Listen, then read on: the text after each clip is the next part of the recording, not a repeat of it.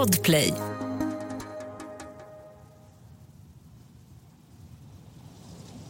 Lauren känner sig orolig och vill fortsätta vandringen bort från kratern.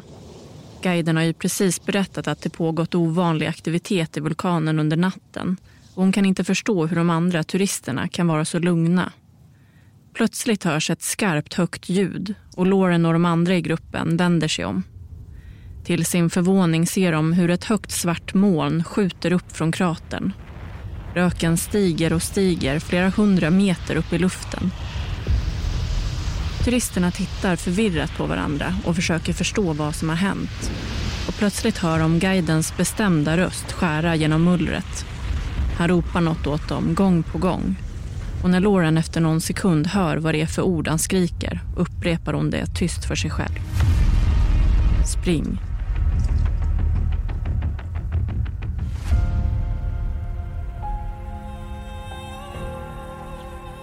Du lyssnar på Kod katastrof med mig, Amanda Lång om vulkanutbrottet på White Island.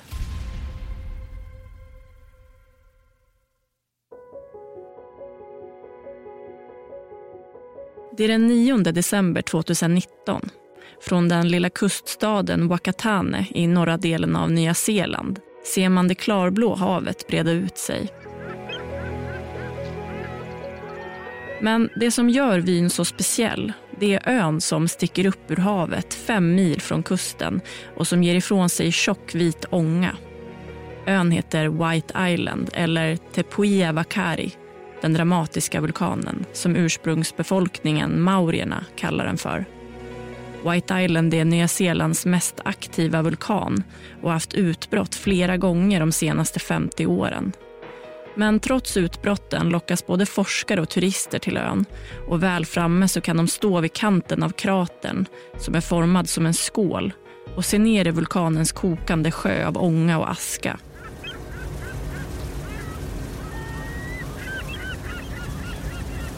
Ombord på en motorbåt som precis åkt från kuststaden Wakatane och nu styr mot White Island sitter 35 turister från kryssningsfartyget Ovation of the Sea eller En hyllning till havet. Två av dem är 31-åriga Lauren och 35-åriga Matt från USA.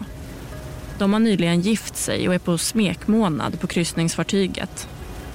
Fartyget stannar på olika ställen nästan varje dag och de som är med på kryssningen kan då välja mellan olika aktiviteter och dagsturer i närheten innan de går ombord igen och åker vidare till nästa ställe.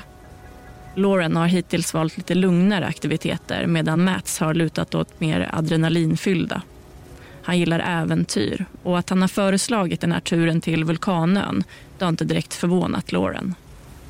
Precis som de andra ombord på den lilla motorbåten häpnas paret över vyn av vulkanen som nu närmar sig bortanför det mörka havet. Matt sneglar mot Lauren bredvid sig och han upptäcker att hon inte alls verkar lika exalterad som han. Han vet att hon är nervös och lägger sin arm runt henne. Han tänker att nervositeten nog går över i fascination snart när de kommer fram och hon får se de där fantastiska vyerna som han kollat på i broschyren. De har åkt i nästan en och en halv timme och snart ska de vara framme på ön. Guiderna börjar dela ut hjälmar till turisterna och respiratorer som ser ut som små gasmasker. Men de täcker inte hela ansiktet utan bara näsan och munnen de ska tydligen skydda mot giftig luft men som Lauren förstått det så är luften bara farlig om vulkanen skulle få ett utbrott. Lauren provar ändå masken för att se om den passar och justerar banden lite. Hon ser sig omkring i båten.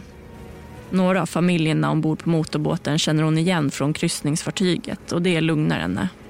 Ingen skulle ju ta med sig sina barn på något som skulle kunna innebära fara. Hon är nog bara så där ängslig som hon kan vara ibland.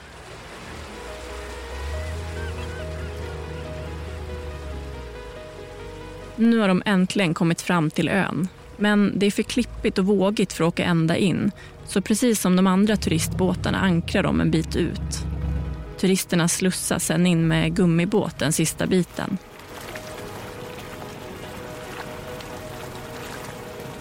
Flera andra grupper vandrar redan uppe vid kratern och Matt kan knappt vänta tills det blir deras tur.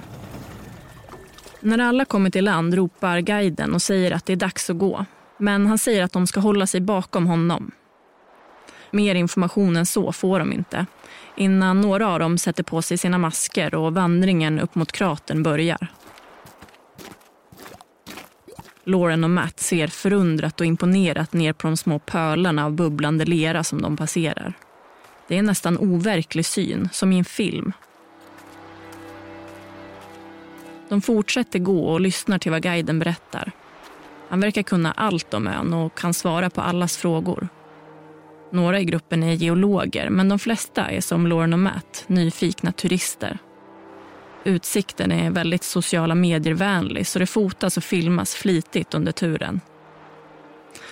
En av turisterna frågar guiden hur stor risken egentligen är för att vulkanen ska få ett utbrott. Guiden svarar då att det finns tre olika risknivåer där nivå tre innebär utbrott. Han berättar lugnt att vulkanen just nu befinner sig på nivå 2 och närmar sig nivå 3. På riktigt? frågar en av turisterna och guiden nickar till svar innan han fortsätter gå igen. De andra promenerar också vidare, men något har väckts i Lauren som har överhört diskussionen.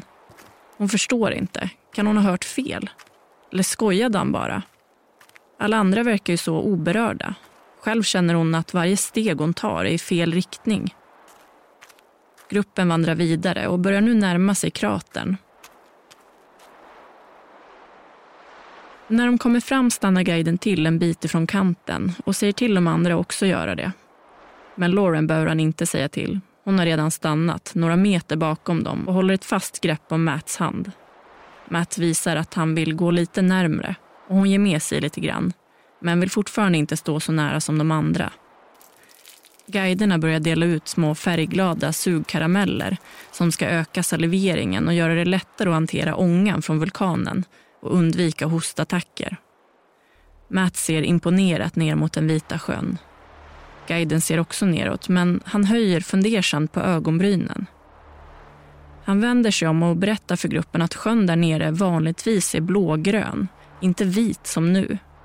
Det måste ha varit någon form av aktivitet under natten som lett till att aska lagt sig över sjön, berättar han. Han låter fortfarande lugn och turisterna nickar intresserat åt det han förklarat. Det gör inte Lauren. Hon känner sig allt annat än lugn. Matt lägger sin hand på hennes axel och säger den kommer inte få utbrott. Laurens bekymrade min släpper lite och Matt fortsätter att snegla ner mot den vita sjön. Han har läst broschyren noggrant och turen har ingenstans beskrivits som farlig. Och hade den varit ovanligt farlig just nu så hade ju kryssningsbolaget gått ut med en varning eller avbrutit turerna. Men det varken Matt Lauren eller någon av de andra vet är att Nya Zeelands övervakningsmyndighet för vulkaner hela två veckor tidigare faktiskt har gått ut med en varning om risk för utbrott. Kryssningsbolaget har fått den informationen men ändå inte avbrutit turerna utan fortsatt att sälja biljetter till den dyra dagsturen som kostar flera tusen kronor. Trots att Matt lyckats lindra Laurens oro lite känner hon sig mer än färdig med turen på ön. Så när guiden säger att det är dags att börja vandra tillbaka ner mot båtarna skyndar hon sig att dra tag i Matt och börja gå. Men guiden måste hela tiden vänta in resten av gruppen och eftersom att många fotar och filmar så går promenaden långsamt. Mycket långsammare än vad Lauren önskar. Hon kollar på klockan. Strax efter två om några timmar ska de vara tillbaka på kryssningsfartyget i trygghet och då kan de äta en mysig middag och kanske skratta åt den skräckslagna uppsynen som Lauren haft under hela promenaden. Deras kommande utflykter får vara det mindre adrenalinfyllda slaget, bestämmer hon sig för. Gruppen fortsätter att i långsam takt gå ner för berget när en kraftig smäll plötsligt dånar från kratern Alla rycker till och vänder sig bakåt för att se vad det var. Lauren ser då hur ett stort svart moln blåser upp som en lång skorsten ur kratern. Det ser inte farligt ut, utan mest uppseendeväckande. Några skyndar sig att fota och filma och de kollar förvirrat på varandra. Men efter bara några sekunder hörs ännu en smäll och den här är mycket högre.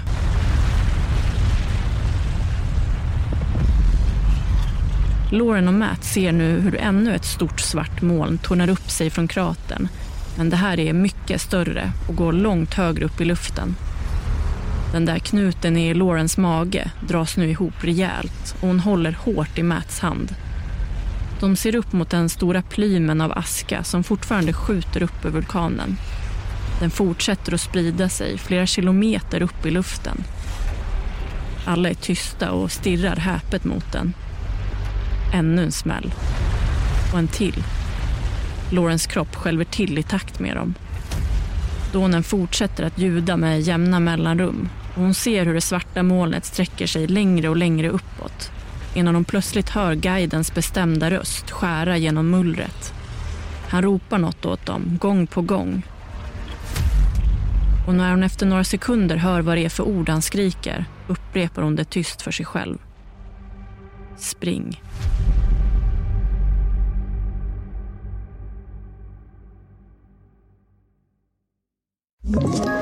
Ett poddtips från Podplay. I podden Något Kaiko garanterar östgötarna Brutti och jag, Davva, dig en stor dos skratt. Där följer jag pladask för köttätandet igen. Man är lite som en jävla vampyr. Man har fått lite blodsmak och då måste man ha mer. Udda spaningar, fängslande anekdoter och en och annan arg rant. Jag måste ha mitt kaffe på morgonen för annars är jag ingen trevlig människa. Då är du ingen trevlig människa, punkt. Något Kaiko, hör du på Podplay. Därför är gardinerna.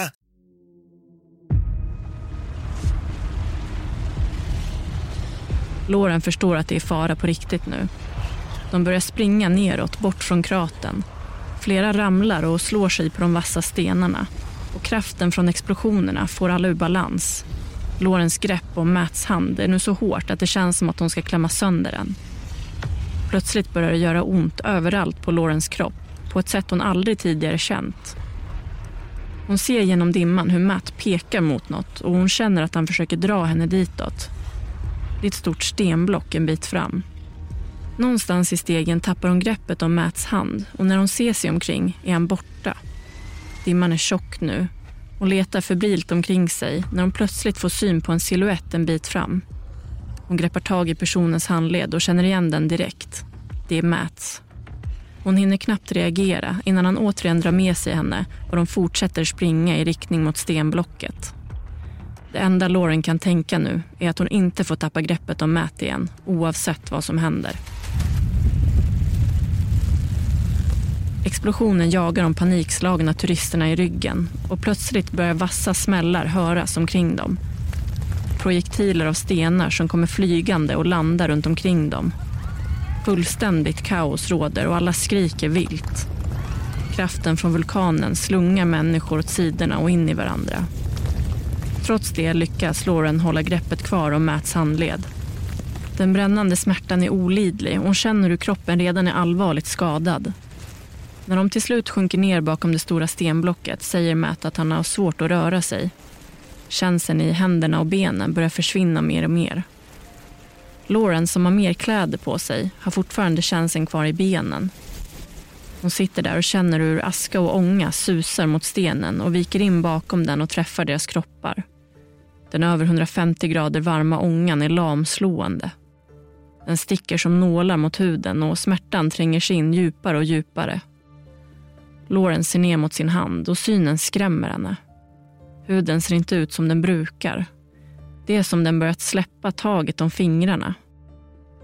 Lauren ser mot bröllopsringen, den som Matt för bara några veckor sedan stått där och trätt på hennes ringfinger.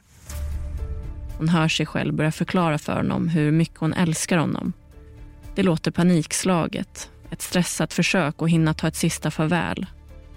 Men om de nu ska dö under sin smekmånad hoppas hon att de i alla fall får göra det bredvid varandra, att deras kroppar ska hittas ihop. Hon spänner greppet om handleden ännu hårdare. Plötsligt reser sig Matt upp igen och drar henne med sig. Det är en bra bit kvar ner till vattnet men båda inser de att det är dit de måste ta sig om de ska ha någon chans. Matt liksom släpar sin egen kropp och drar hennes bakom sig. Lauren har svårt att gå och ramlar flera gånger. Matt hjälper henne upp men smärtan är nu så intensiv att Lauren inte vet hur länge hon kommer kunna hålla sig vid medvetande. Varje gång hon ramlar ihop ropar han åt henne att fortsätta. Han drar upp henne igen och de springer, eller snarare släpar sig, vidare i riktning mot vattnet. De passerar flera personer på vägen. Några ligger i fosterställning som för att ta skydd. Och Matt skriker nu rakt ut i ren smärta. Till slut ser de piren sticka ut där framme och de använder sina sista krafter för att hasa sig ner mot den. I den lilla kuststaden Wakatane har man också sett det stora molnet skjuta upp från White Island och ett larm om utbrott har nått myndigheterna. Lokalbefolkningen ser hur plymen som skjuter upp från vulkanen är betydligt större än vad den brukar vara och att den har en annan mörkare färg än vanligt. En motorbåt med en annan turistgrupp står en bit ifrån ön och låter en liten gummibåt nu köra fram och tillbaka mellan båten och den rostiga lilla piren där de skadade nu står och ropar efter hjälp. En kvinna tar tag i en man för att hjälpa honom ner i gummibåten men hon känner då hur huden på hans hand lossnar i hennes. Hon kämpar för att dölja sin förskräckelse. Två av dem som nu står där på piren är Matt och Lauren. Lauren vet inte riktigt hur det gick till men på något sätt lyckades de ta sig ner till vattnet. Men orken börjar nu ta slut och smärtorna blir kraftigare.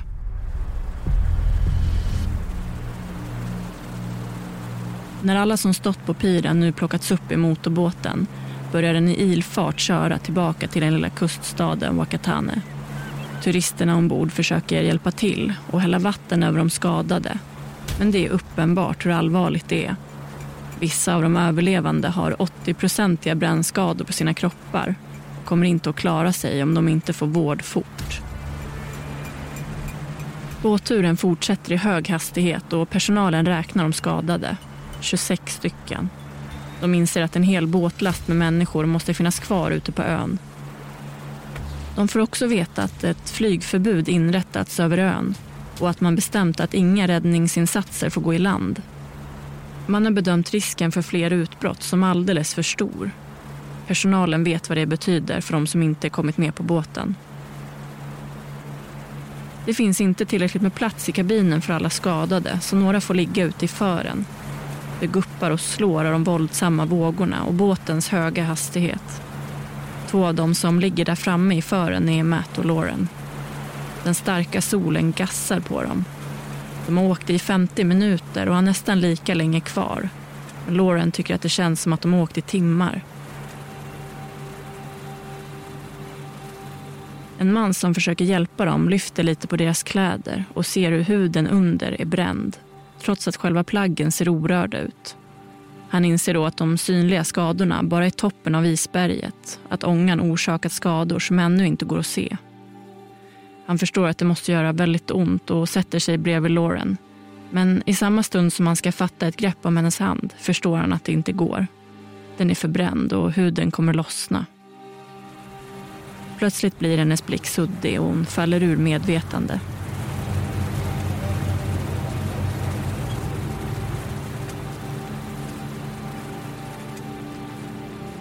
I den lilla kuststaden Wakatani har mängder av lokalbefolkning, polis, ambulans och turister samlats nere vid vattnet. De står oroligt och väntar och ännu vet man inte hur många som klarat sig. Snart ser de en båt närma sig land.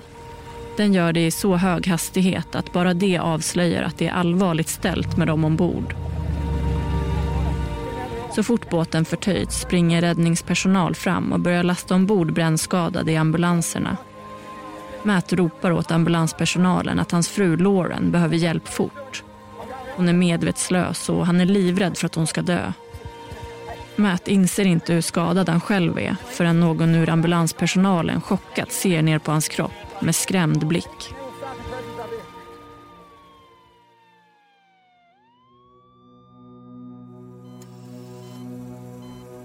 På sjukhuset vaknar Lauren till lite Just som vårdpersonalen håller på att klippa upp hennes vigselring. Hon vill protestera men orkar inte och snart faller hon in i koma. Matt som ligger i ett annat rum kan knappt hantera oron han känner över sin fru. Han försöker låsa upp sin mobiltelefon för att kontakta sin familj och berätta att de lever och ber dem komma, men det går inte.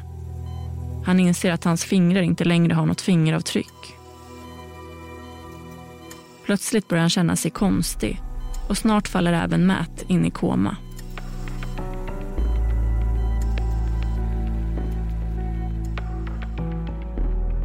Senare under dagen håller Nya Zeelands premiärminister Jacinda Ardern presskonferens. Hon berättar att man nu vet att det fanns två grupper på ön när utbrottet inträffade. En av grupperna kunde evakueras, men den andra befann sig mycket nära kratern hon uttrycker sitt stöd till de anhöriga men går inte ut med hur många som omkommit. De kan inte vara säkra än och det ska dröja innan man kan fastställa dödsantalet. De överlevande intensivvårdas på sjukhus under veckorna efteråt, men alla klarar sig inte.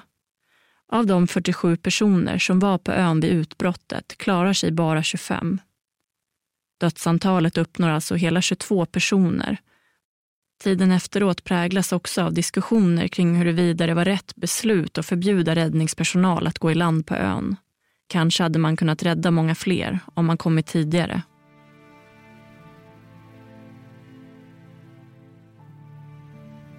Matt och Lauren ligger under flera veckor i koma och när de vaknar är det till en ny verklighet.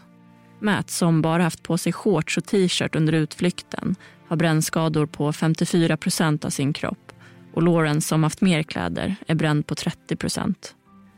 Tiden efteråt är svår och paret tvingas genomgå otaliga operationer och bära stora kompressorer på sina kroppar.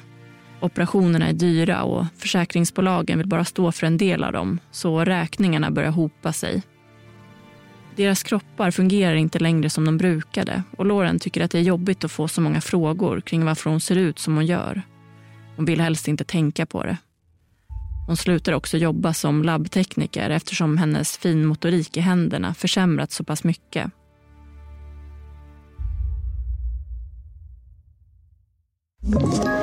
Ett poddtips från Podplay.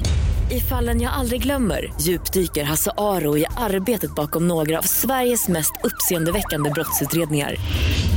Går vi in med hemlig telefonavlyssning och, och då upplever vi att vi får en total förändring av hans beteende. Vad är det som händer nu? Vem är det som läcker? Och så säger han att jag är kriminell, jag har varit kriminell i hela mitt liv men att mörda ett barn, där går min gräns. Nya säsongen av Fallen jag aldrig glömmer på Podplay. Matt och Lauren vill bli ekonomiskt kompenserade för det som har hänt dem och för att de nu måste leva med stora och synliga ärr över hela sina kroppar. Det nygifta paret och flera andra överlevande och anhöriga bestämmer sig nu för att stämma kryssningsbolaget Royal Caribbean. Lauren säger att de inte gör det bara för sin egen skull utan också för alla de som inte klarade sig. De vill att någon ska ställas till svars och förstår inte varför kryssningsbolaget inte berättade att det fanns en ökad risk för vulkanutbrott.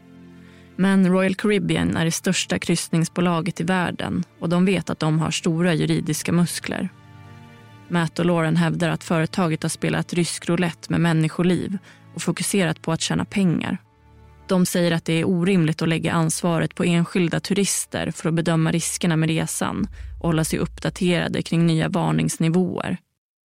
Företaget har dessutom en hel säkerhetsavdelning som jobbar med just riskbedömningar. Men trots det varken varnade de eller avbröt turerna. Och det väcker starka känslor också bland allmänheten. Företaget anklagas också för bristande säkerhetsåtgärder gällande skyddsutrustning och klädsel. Och Matt som jobbar med just skyddskläder säger att det hade gett dem en ledtråd om hur riskabelt det var om det hade stått något om det i broschyrerna. De tycker också att skyddsutrustningen som besökarna fick, snarare än att skydda dem, gav en falsk känsla av säkerhet. Royal Caribbean svarar med att hänvisa att de faktiskt skrivit att vulkanen var aktiv i broschyren. Och det reagerar Matt starkt på. Definitionen av att en vulkan är aktiv är nämligen att den ska haft ett utbrott någon gång under de senaste 10 000 åren. Att vulkanen haft utbrott så sent som 2016 hade de ingen aning om.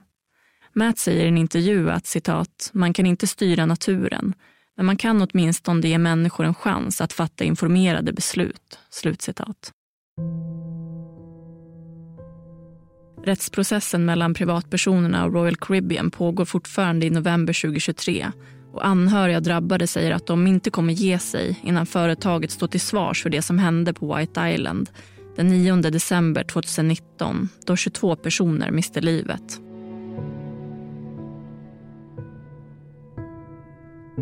Matt och Lauren gör sitt bästa för att försöka leva sina liv så normalt som det går. Mats armar och ben är gravt brännskadade men en rand av hud på hans handled är helt orörd. På samma sätt är det för Lauren. Båda hennes händer är svårt brännskadade men hennes ena handflata är helt oskadd. Lauren säger att de synliga spåren på de båda av hennes grepp om hans arm som hon aldrig släppte taget om för alltid kommer att påminna dem om händelsen och det band de har till varandra. White Island är numera stängt för besökare och med tanke på de täta utbrotten vet man inte om den någonsin kommer att öppna för turister igen. Men många av invånarna i den lilla kuststaden Wakatane säger att samhället där ändå aldrig kommer bli som förr. I flera av husen med utsikt mot White Island är gardinerna nu för tiden alltid fördragna för att inte påminnas om vad som hände den där dagen den 9 december 2019.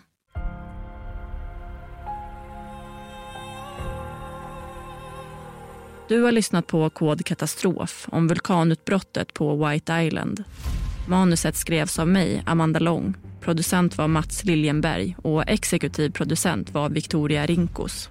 I nästa veckas avsnitt av Kod katastrof får ni höra om världens dödligaste hajattack. När hundratals hajar flockas kring ett förlist militärfartyg och de överlevande ur besättningen, en efter en, börjar dras ner under ytan. Männen ser sig stressat omkring och snart börjar flera av dem också skrika i samma panikslagna ton. 17-åriga Adolfo är snurrig och försöker förstå vad det är de ropar. Han ser hur några andra panikslaget simmar åt olika håll som om de vill ta sig bort från något. Något stort stryker mot hans ena ben och sen försvinner. Han rycker till och ser ner i vattnet igen.